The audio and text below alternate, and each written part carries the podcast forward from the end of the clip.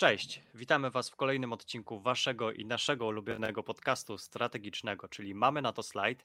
Wracamy do Was z odcinkiem, który jest prawdziwą gratką dla strategicznych tygrysów.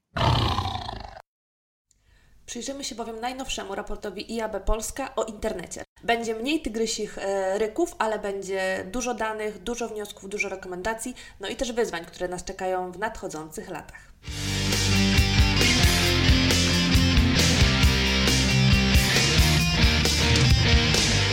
Mamy na to slajd.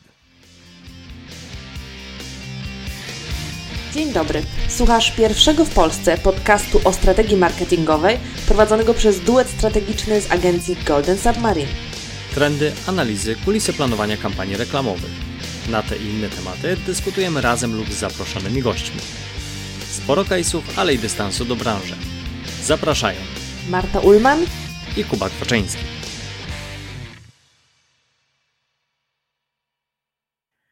Tak jak zapowiedzieliśmy, otwieramy e, nowy raport e, IAB Polska. E, my dziś przyjrzymy się tylko wybranym danym czy rekomendacjom, które w tym raporcie się znajdują, natomiast jest on bardzo, bardzo obszerny i mamy nadzieję, że zachęcimy Was do, do pełnej lektury tego dokumentu, tego opracowania, które możecie znaleźć oczywiście na stronie www.iab Polska. Teraz przechodzimy do części merytorycznej i zaczynamy od takiego makroobrazka, żeby sobie to wszystko uporządkować. Liczba internautów w Polsce, tak jak pewnie wiecie, e, cały czas rośnie, natomiast to już nie są bardzo dynamiczne i bardzo radykalne wzrosty, natomiast pod koniec 2020 roku e, wyniosła ona w Polsce 29 milionów osób. To, co ciekawe i to, co się trochę zmieniło w wyniku pandemii, zresztą myślę, że będziemy tutaj do e, pandemii jeszcze często się odwoływać, bo e, ona faktycznie w naszym życiu konsumentów i w naszych zachowaniach e, sporo zmieniła, ale też sporo zmieniła w marketingu i chociażby w tym, jak w 2020 roku wydatkowaliśmy budżety reklamowe. Natomiast to, co się zmieniło według GUS-u w 2020 roku, to trochę inaczej zaczęliśmy korzystać z internetu w sprawach prywatnych.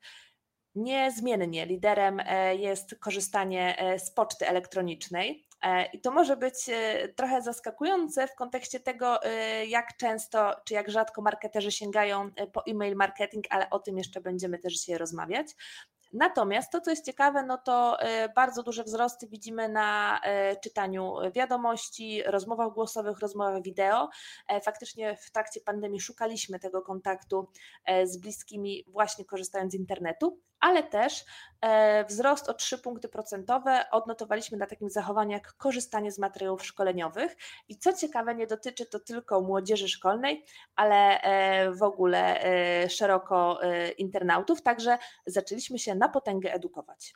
No, w ogóle chyba pojęcie internauta zaczyna zmieniać swoje znaczenie, bo jeszcze pamiętam, Marta, tak kilka lat temu, jak zaczynałem swoją tak zwaną przygodę z marketingiem, e, to e, trochę się śmiano z tego określenia internauta, bo, e, bo to było faktycznie tworzenie takiego jakiegoś odrębnego bytu człowieka, który jest jakby z nosem w komputerze, zupełnie oderwanym od rzeczywistości, który gdzieś tam surfuje w internecie w jakimś tam rozciągniętym podkoszulku. Natomiast ten internet tak bardzo się umasowił i pandemia tak bardzo to oczywiście przyspieszyła, że chyba możemy już powiedzieć teraz, że Polak równa się interna, internautowi tak? E, Potwierdzam, ja ci zrobiłam takie sprytne podprowadzenie z tym internautą. Taka, taka była moja intencja. A proszę, no to dziękuję bardzo. Dziękuję. Do, może się zrewanżuję w trakcie odcinka, ale no, nie wiem, z czym ci podprowadzić, więc mi napisz tutaj na czacie. czekam, czekam. E, natomiast przechodząc do e, kolejnych obszarów tego internetu i działań reklamowych w internecie, no to na pewno coś, na co szczególną warto zwrócić uwagę, to jest y, e-commerce, bo mm, Pewnie to też Wy w swoich zachowaniach y, zauważyliście, że w trakcie pandemii zaczęliście częściej kupować online. Ja y, przyznaję się, faktycznie Allegro było grane co drugi dzień. E, natomiast faktycznie pandemia przyspieszyła i tak bardzo dynamiczny rozwój krajowego e-commerce'u.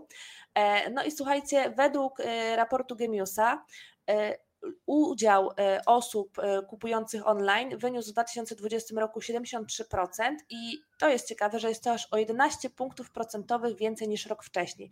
Czyli nie dość, że my zaczęliśmy jako użytkownicy internet, internetu, nie internauci, e, kupować mhm. online, to faktycznie coraz więcej firm zaczęło te sklepy online e, otwierać i w sumie e, śmiejemy się, że najlepiej tą transformację cyfrową na wielu firmach faktycznie wymusiła pandemia. Natomiast w 2020 roku swoją działalność rozpoczął o 23% więcej e-sklepów w porównaniu do analogicznego okresu rok wcześniej. No czyli faktycznie mamy totalny boom, totalny hype na e-commerce. No, to jest też pytanie w zasadzie, bo cyfry cyframi, ale warto na chwilę się tutaj zatrzymać i zastanowić, na ile te wzrosty y, utrzymają się długoterminowo w takiej skali, którą przedstawiłaś, bo rzeczywiście ten wzrost o 11 punktów procentowych musi robić wrażenie, bo to są takie wzrosty, które my w marketingu widzimy bardzo rzadko w wielu różnych celach, które sobie definiujemy. No, no bo na przykład mamy takie kategorie, które bardzo mocno wzrosły, jak chociażby sprzedaż artykułów spożywczych przez internet, no bo mamy takie delikatesy internetowe, internetowe, które e, no bardzo mocno zyskały w czasie pandemii, kiedy inne sklepy były zamknięte albo był limit e, osób e, na metr kwadratowy w supermarketach. No i tutaj te wzrosty były gigantyczne, natomiast pytanie, czy po prostu to się utrzyma przez dłuższy okres czasu w sytuacji, kiedy biedronki są otwarte, no okazuje się, że nawet niektóre będą otwarte w niedzielę. I będzie dym. I będzie dym, zdecydowanie. Natomiast to może odpowiem, bo faktycznie no ja lubię dane, no to są takie dane, że jakby już w październiku 2020 ta akurat kategoria spożywcza no, wypłaszczyła się ten wzrost. Natomiast ogólnie analizy mówią o tym, prognozy, że ten rynek e-commerce do 2023 roku jeszcze się podwoi w Polsce i przekroczy 100 miliardów złotych, czyli no jest tam hajs. Tak, jest hajs, chociaż faktycznie pewnie ten, te delikatesy, y, jakiś tam wzrost utrzymają internetowy, y, delikatesy internetowe utrzymają wzrost, pewnie nie na takim, y, nie w takiej dynamice jak w trakcie pandemii, no bo chyba też się taka w ramach ciekawostki możemy podzielić, że rzeczywiście był zawsze duży problem z trialem, czyli z wypróbowaniem tej usługi supermarketu przez internet, bo, bo baliśmy się generalnie o świeżość tych produktów, które są po prostu świeże z lodówki, jak na przykład mięso, mięso czy warzywa, owoce.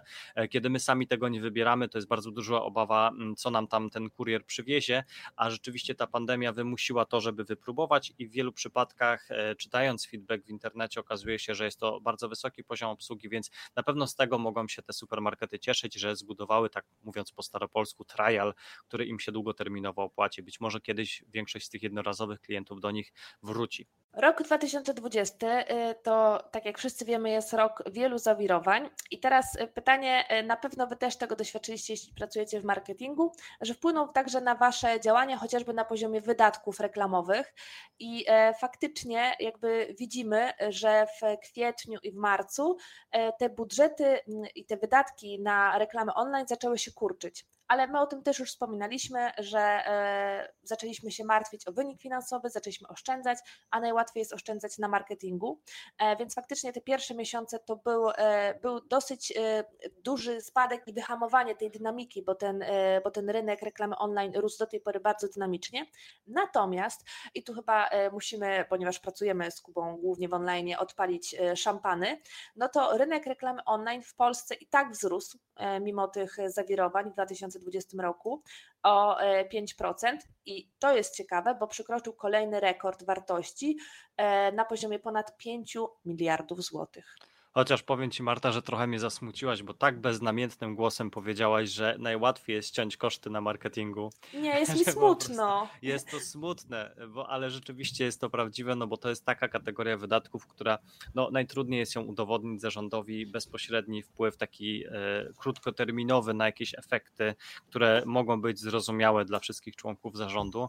E, no, w porównaniu do innych jakby kosztów, które są ponoszone, czy inwestycji w firmie, no, ten marketing jest ze względu względu na swoją specyfikę po prostu najtrudniej pewnie e, mierzalny w takim rozumieniu bardzo ogólnym, biznesowym, e, więc rzeczywiście e, no tak beznamiętnie, ale to w sumie odzwierciedla też smutną prawdę. Natomiast efekt jest taki, że jednak ten wzrost, tak jak mówiłaś, był. Warto się jeszcze przyjrzeć, jak wygląda ten nasz tort reklamowy, czyli jaka jest struktura tych wydatków w podziale tak naprawdę na obszary komunikacji online. I tutaj niezmiennie w czołówce jest display, który 32% jakby zajął obszaru tego tortu wartościowego. W czołówce jest też SEM, czyli reklama w wyszukiwarkach 34%. E, o tym, dlaczego jest to dosyć e, duży kawałek tortu, a w zasadzie niedoceniany tak z perspektywy nawet rozmów branżowych. O tym jeszcze za chwileczkę powiemy, kiedy przejdziemy do tej części raportu. No i na trzecim miejscu jest wideo, czyli e, bardzo popularny i rosnący na znaczeniu kanał 14%. I warto zwrócić uwagę, że chociaż właśnie e-mail marketing ma zaledwie 2% tortu reklamowego, no to ten wzrost jest dosyć zauważalny i no, odwrócił trend spadkowy, który był notowany w ostatnich latach. I teraz po kolei przejdziemy sobie przez te e, kluczowe obszary, o których wspomniał e, Kuba i zaczynamy od e, displayu. I tu w zasadzie mam taki sprytny pomysł, żeby połączyć dwa, dwa obszary, Największą dynamikę reklamie display ponownie jakby zanotowały dwa obszary, y, to jest reklama w modelu Programmatic oraz reklama na urządzeniach mobilnych i tu są wzrosty ponad 20% w obu tych kategoriach i my też z Kubą y, na backstage'u dyskutowaliśmy y, skąd ten taki dynamizm, jeśli chodzi o rozwój Programmatica. No i wydaje się, na że... Na backstage'u, czyli w agencyjnej kuchni masz na myśli, tak? Przy kawie.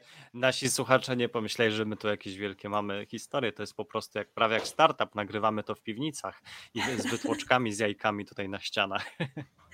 E, natomiast e, faktycznie e, negatywny wpływ pandemii na gospodarkę skutkował, skutkował tym, że przesuwaliśmy budżety reklamowe w kierunku działań takich, które są najbardziej efektywne i najbardziej mierzalne, no co jakby faktycznie przełożyło się na wzrost wydatków w kanale reklamy programatycznej i to jest jedna historia. Druga sprawa jest taka, że my mamy takie wrażenie, że w tym programatyku jest taka bardzo duża zwinność i powiedziałabym, że w tym takim agile'owym e, świecie, który e, mieliśmy, w zasadzie mamy cały czas, no to jest bardzo potrzebne, że bardzo prosto jest wejść do tej reklamy, e, ale też bardzo prosto można ją optymalizować albo z tych działań się wycofać, więc on nam faktycznie daje dużą elastyczność, to nie jest tak, że przez rok czy przez pół roku przygotowujemy kopię, którą potem musimy kolaudować, emitować i jakby nie możemy się e, przez kolejne miesiące e, wycofać e, z tych umów, które mamy z wydawcami, a jeśli to zrobimy, to ze stratą finansową. Więc faktycznie to jest takie bardzo elastyczne podejście, więc stąd podejrzewamy jest też sukces tego modelu. Natomiast nie jest to e, taki zupełnie droga usłana różami, e, bo rzeczywiście sen spędza z powiek marketerom zajmującym się tą kategorią. E, zmiany, jakie planuje Google, i oczywiście jest to zmiana szeroko komentowana, na to też nie będziemy za dużo czasu poświęcać. Chcielibyśmy tylko zwrócić uwagę na to, że Chrome likwiduje e, jakby możliwość śledzenia użytkowników za pomocą plików cookies, a ze względu na to, że to jest największa wyszukiwarka e, w naszym kraju i nie tylko, jest to bardzo duży problem dla tego obszaru biznesu marketingowego i zachęcamy do tego, żebyście się zainteresowali, jeżeli jeszcze tego nie zrobiliście, bo jest to bardzo ciekawy temat, jak firmy będą musiały też pewnie w sposób agile'owy zaplanować działania zastępcze, czy takie, które będą to rekompensowały. Odsyłamy Was do raportu, bo tam jest bardzo dużo informacji na ten temat, a też i sam IAB jako organizacja publikuje dużo materiałów e, związanych z tym wyzwaniem, który na pewno w tym i w kolejnych latach będzie e, dominował na rynku reklamy internetowej. Następnym obszarem jest e, wideo online. E, I tu w zasadzie taką najciekawszą rzeczą, o której chcielibyśmy Wam powiedzieć, to jest to, że e, ten rok 2020 był najprawdopodobniej najlepszym rokiem dla branży SVOD. Najprawdopodobniej, bo nie wiemy, co przyniesie przyszłość. A ciekawe jest to, że dane globalne za trzeci kwartał tego roku wykazały rekordowe 217 milionów nowych subskrypcji. No, oczywiście globalnymi zwycięzcami rankingu jest Disney Plus, czemu nie macie jeszcze w Polsce, e, Netflix i Amazon Prime.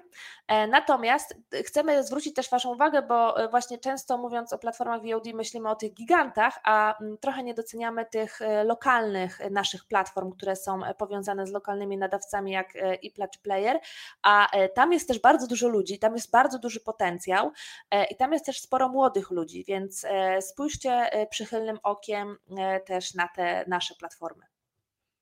A powiedz mi, Marta, tak z ciekawości, ile ty masz e, zasubskrybowanych teraz serwisów VOD, ale e, jakby wideo online, pomijając Spotify i jakiegoś tam Storytela, czy, czy inne usługi takie książkowe? No, trzy, ale jest nas dwójka, więc y, według mojej matematyki wychodzi półtorej na głowę. No, powiedzmy, że to tak e, niech będzie, chociaż e, zobaczymy, czy to mi pasuje pod tezę, którą chcę Tobie e, zaprezentować, bo bardzo ciekawa prelekcja była odnośnie właśnie serwisu VOD podczas tegorocznego forum IAB, które było w zeszłym miesiącu i Ania Gumkowska z TVN-u właśnie miała ciekawą prelekcję dotyczącą ile mieści się, ile może się zmieścić w jednym użytkowniku subskrypcji, no bo wiadomo, że posiadanie jednego, tylko jednego serwisu może być niewystarczające w długim okresie czasu, więc e, zaczynamy się rozglądać za kolejnymi serwisami, dopłacać za nie albo szukać jakiejś koalicji znajomych, żeby mieć pakiet rodzinny. Mm, I faktycznie przed pandemią, podczas tego forum pani, e, pani Ania zaprezentowała, że było to mniej więcej 1,2,13 e, serwisu VOD na głowę, czyli mniej niż półtora serwisu. Raczej mieliśmy jeden, niektórzy mieli dwa. W trakcie COVID-u ta wartość wzrosła do 1,68, czyli więcej niż półtora serwisu przypadało na głowę. A e, po covid no niestety tego się nie dowiedzieliśmy, kiedy to nastąpi z tej prelekcji, natomiast po covid są takie estymacje, że będą trzy subskrypcje VOD na głowę, więc jeżeli nie dzielić tego z twoim mężem, to już jesteś człowiekiem przyszłości, Marta, musisz być tego świadoma. E, I to są trzy subskrypcje. E, dlaczego?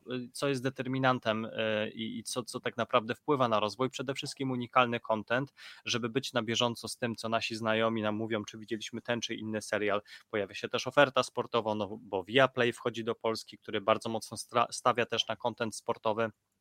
To powoduje, że żeby ze wszystkim być na bieżąco, no to tylko Netflix już nam nie wystarczy. To jest też kwestia różnego rodzaju atrakcyjnej ceny i takiej promocji związanej chociażby z pakietami właśnie rodzinnymi czy z kilkoma miesiącami gratis, co powoduje, że interesujemy się jakimś serwisem, a potem zostajemy z nim na stałe.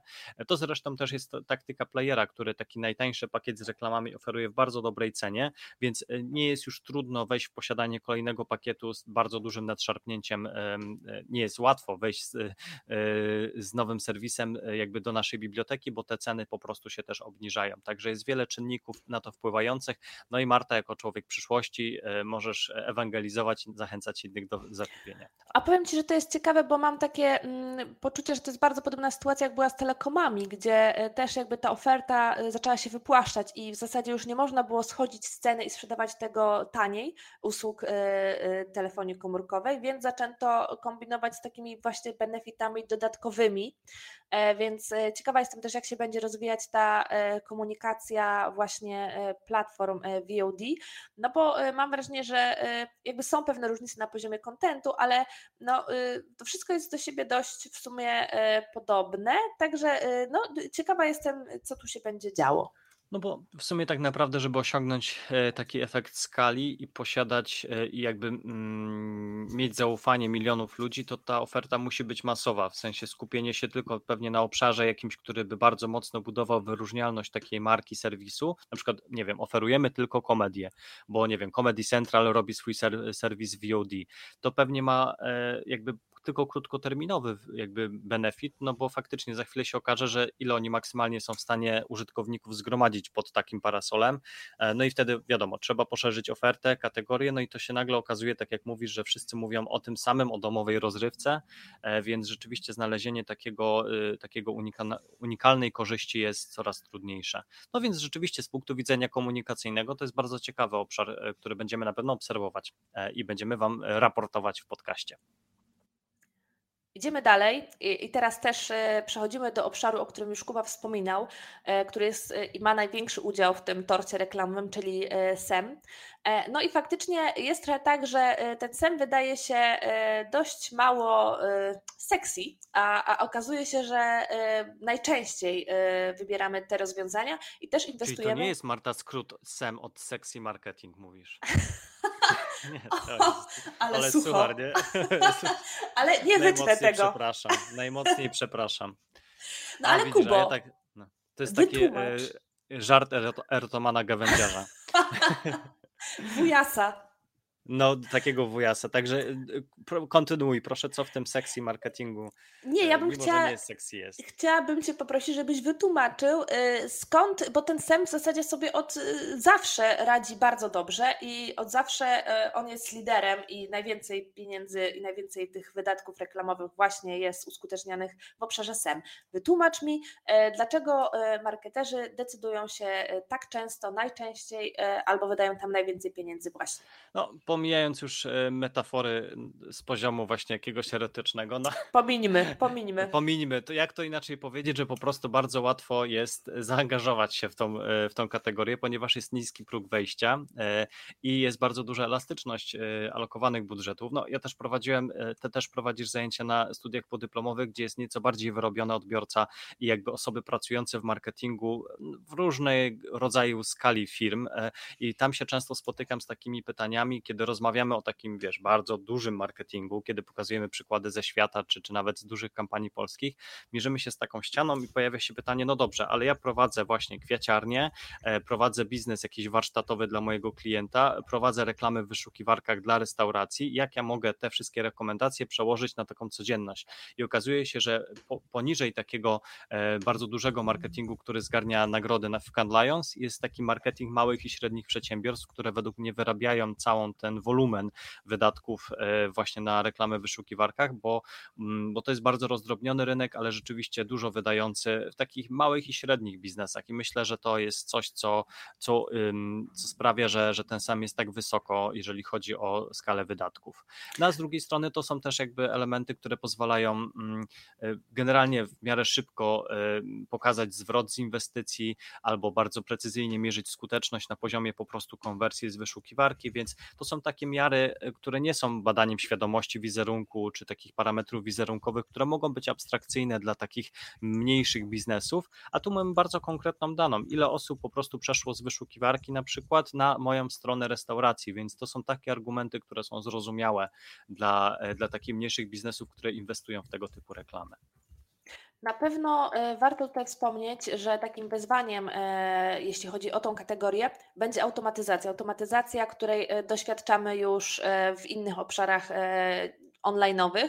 Natomiast faktycznie, z jednej strony ona pozwala specjalistom mocniej skupić się na realizacji strategii oraz kluczowych celów w kampaniach, natomiast no, z drugiej strony coraz więcej obszarów działania uzależnionych jest całkowicie od automatów i możliwe, że w przyszłości, e, a podejrzewam, że tak będzie, bo ustaliliśmy, że ja żyję w przyszłości, tak. E, dojdzie do takiej pełnej automatyzacji e, i nam pozostanie mm, podmiana przekazów reklamowych, grafik, banerów, czy też jakaś optymalizacja stron www pod kątem szybkości działania UX-u i tak dalej. Natomiast Kuba, uspokajam Cię, w przyszłości też jest dla nas praca.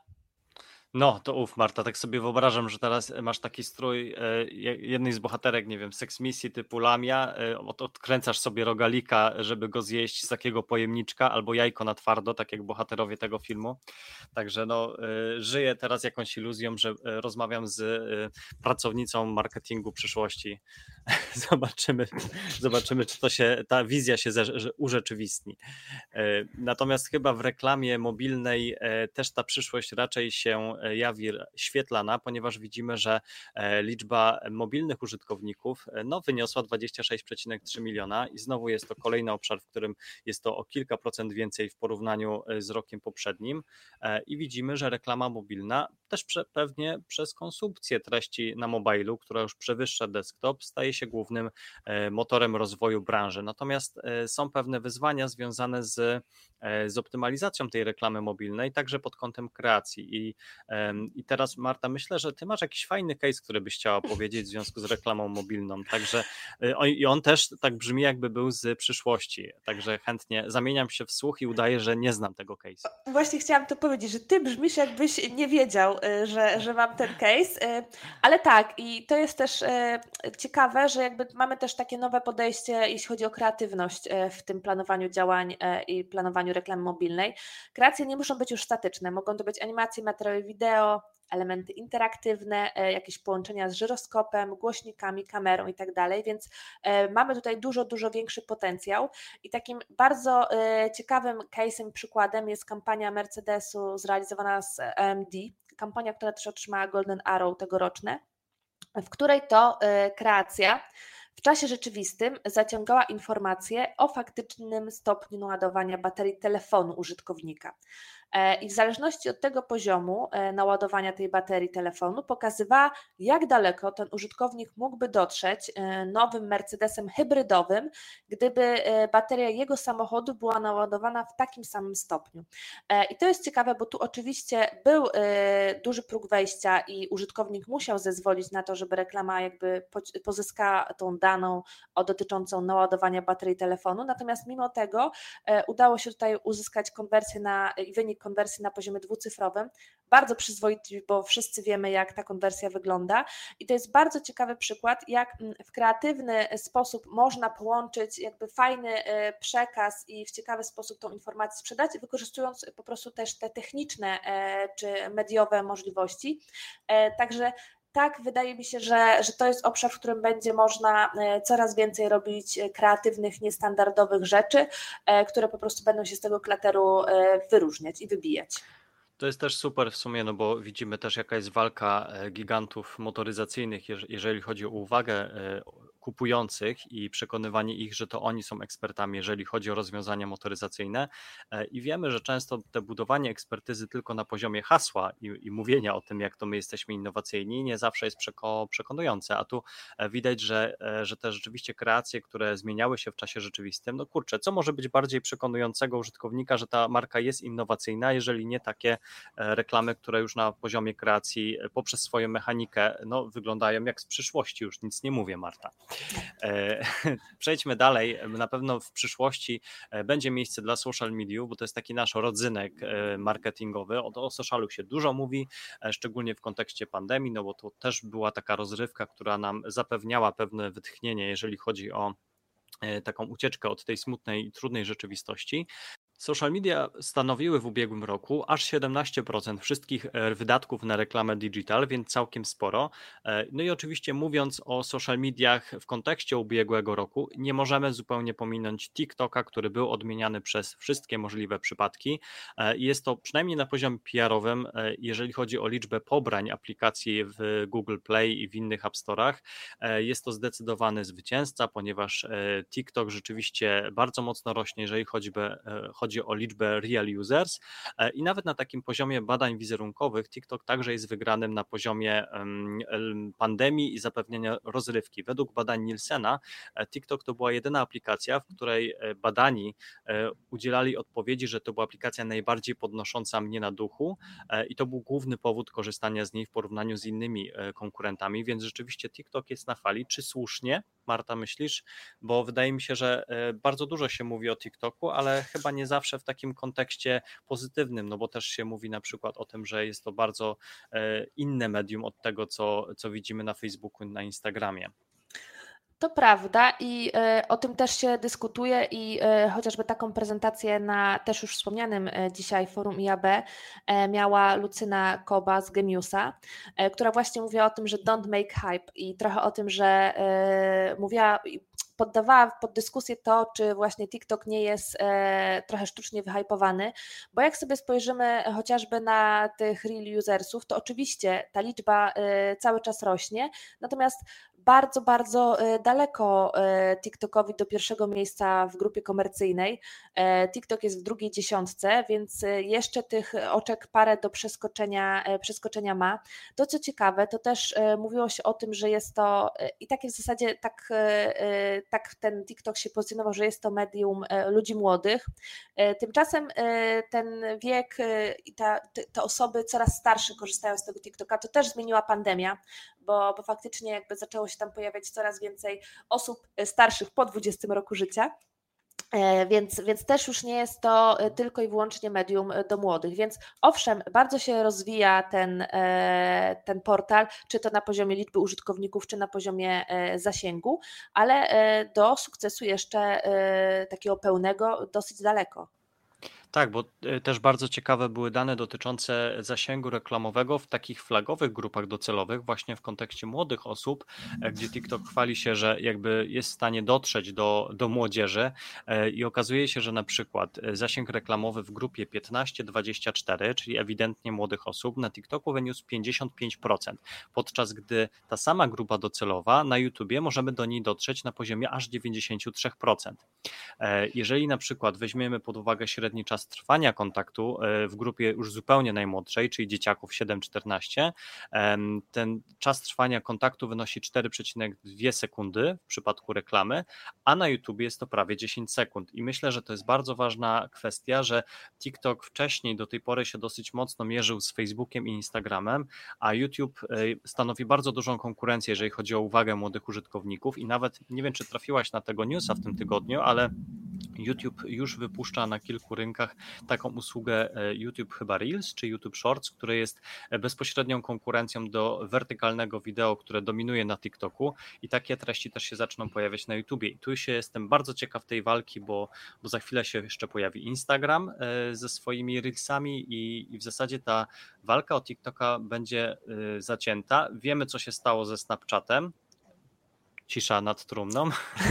Więc zobaczymy, czy TikTok się obroni, czy, czy też podzieli los tych mniejszych aplikacji, które próbowały walczyć z gigantami. Kolejnym e, obszarem, który też dość stereotypowo jest dalej kojarzony z osobami młodymi, jest gaming. I w zasadzie od tego chciałabym zacząć i obalić właśnie mm, ten y, mit, że gaming to jest domena ludzi młodych, bo y, dwie najliczniejsze grupy to są po pierwsze użytkownicy między 25 a 34 rokiem życia, a kolejną najliczniejszą grupą są osoby pomiędzy 35 a 44 rokiem życia, więc wcale nie jest tak, że w Lola tną tylko młodzi chłopcy. Bo są, też, bo są też starsze panie, które tną w Simsy. Może tak być, rzeczywiście. E, no rzeczywiście, ja też widzę, że e, są takie kategorie, o których my nie myślimy, albo rzadko o nich myślimy, nawet w agencji, jeżeli e, planujemy aktywacje gamingowe i widzimy, że to się zmienia, natomiast pomijamy największą część tego tortu gamingowego, jaką są gry mobilne, bo się okazuje, że właśnie największą, największe zainteresowanie na poziomie w ogóle skali zainteresowania gier to są właśnie gry na telefonie i mm, takie badanie zrobiłem osobiste, zupełnie nie metodologiczne, metodologiczne, będąc w metrze w Berlinie te, tego lata e, i widziałem, że bardzo wiele osób oczywiście było z nosem w telefonach, ale bardzo duża część osób i to właśnie nie dzieląc tego na kobiety czy mężczyznę, były zainteresowane grami typu Candy Crush Saga albo jakieś tam e, loteryjki e, albo jednoręki bandyta, także gaming też ma takie oblicze. Pani, które siedzą w metrze, czekają na ostatnią stację i zajmują sobie czas jakimiś tam zabawami. I teraz uwaga, będą fanfary, bo e, będzie ten obszar, e, o którym, no, który polaryzuje e, i w sumie nas trochę też, czyli e-mail marketing. Bo to jest taki obszar, o którym albo jesteśmy nim zachwyceni, albo e, po prostu uważamy, żeby tego nie robić. On e, naprawdę bardzo polaryzuje. E, tymczasem okazuje się, że jakby tam cały czas jest inwestowanych sporo pieniędzy i bardzo dużo marek decyduje się na działania właśnie z obszaru e-mail marketingu. No właśnie, ja nie rozumiem trochę tego, e, tej niechęci niektórych do e-mail marketingu, bo e, znowu to są e, badania tylko na jednej osobie, czyli na mnie, ale przeprowadziłem je i okazuje się, że w trakcie pandemii bardzo często sprawdzałem różnego rodzaju informacje, czy sklepy są otwarte, czy zamknięte, czy jest oferta, czy promocja i jakby ten, jakby ten mail został wykorzystywany przeze mnie dużo częściej, szczególnie w kontekście takim ofertowo-marketingowym. E, i widzimy, że też ta zmiana miała miejsce, e, ale tutaj autor też tej części raportu wskazuje, że wzrost wydatków na e-mail marketing też jest spowodowany większą komunikacją do baz zewnętrznych, czyli nie do naszej grupy odbiorców, do naszej bazy mailingowej, którą sobie tam dziergaliśmy przez e, lata, ale po prostu jest to na przykład deal z wydawcami, którzy w swoich na przykład serwisach pocztowych do odpowiedniej grupy docelowej wysyłają przesyłkę właśnie od takiego marketera, który wykupił taką usługę, no to też po prostu kosztuje więcej, ale widzimy też na takim poziomie mm, bezwzględnym, że po prostu liczba aktywnych kont pocztowych stale rośnie i nie mówimy tutaj po prostu o założonych kontach pocztowych tylko po to, żeby mieć na przykład znowu darmowy miesiąc Netflixa za darmo, ale po prostu jest to aktywne konto pocztowe, z którego korzystamy i ten wzrost jest na poziomie 3% rok do roku, czyli e, cały czas z tego maila korzystamy wbrew pozorom, więc o co tu chodzi? Powiem Ci, że darmowy miesiąc Netflixa za darmo to jest chyba tak, że oni Ci jeszcze dopłacają, żebyś tam siedział.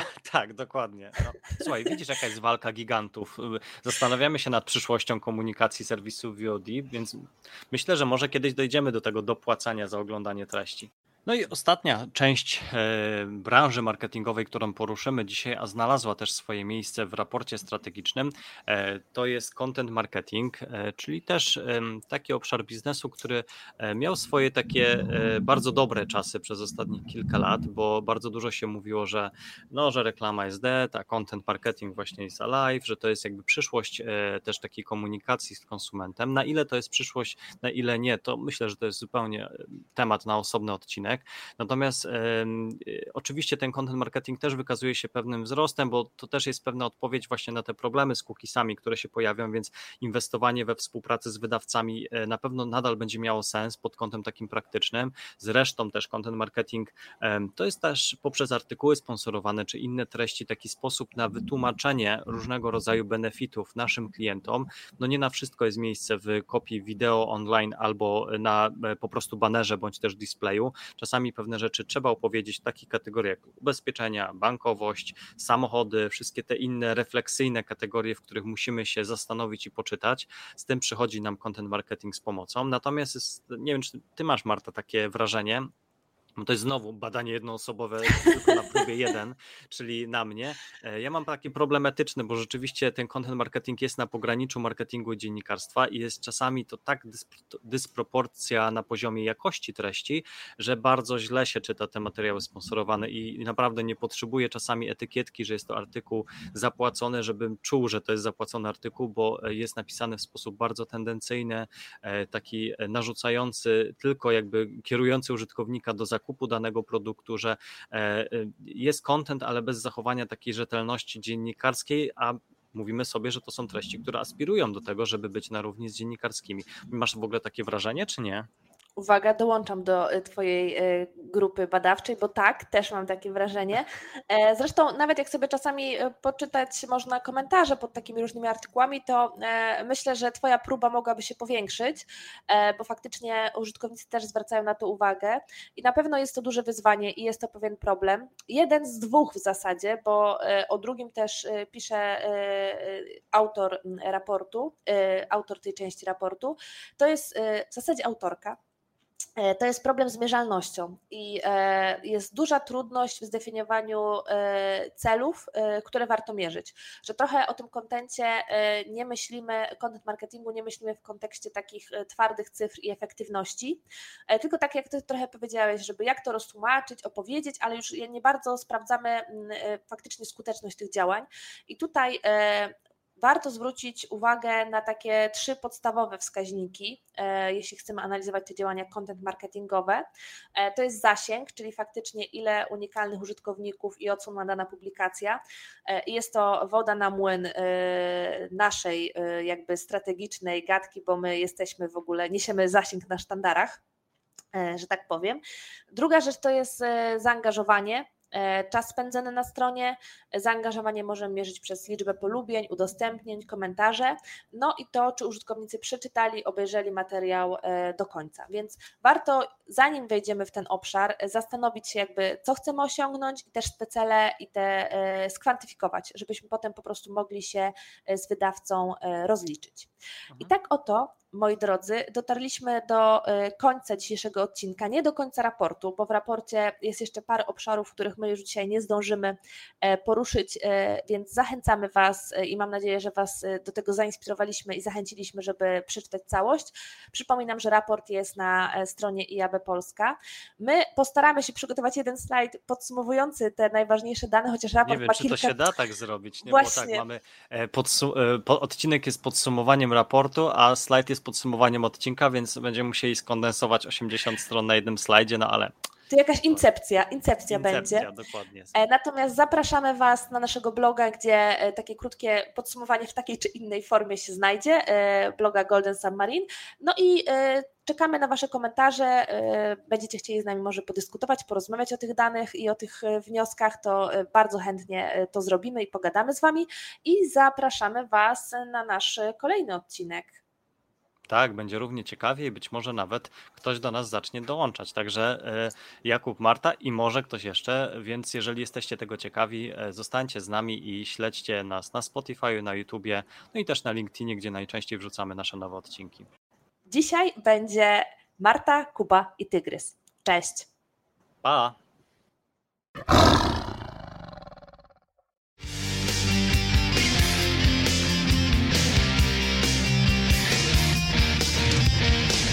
Mamy na to slajd.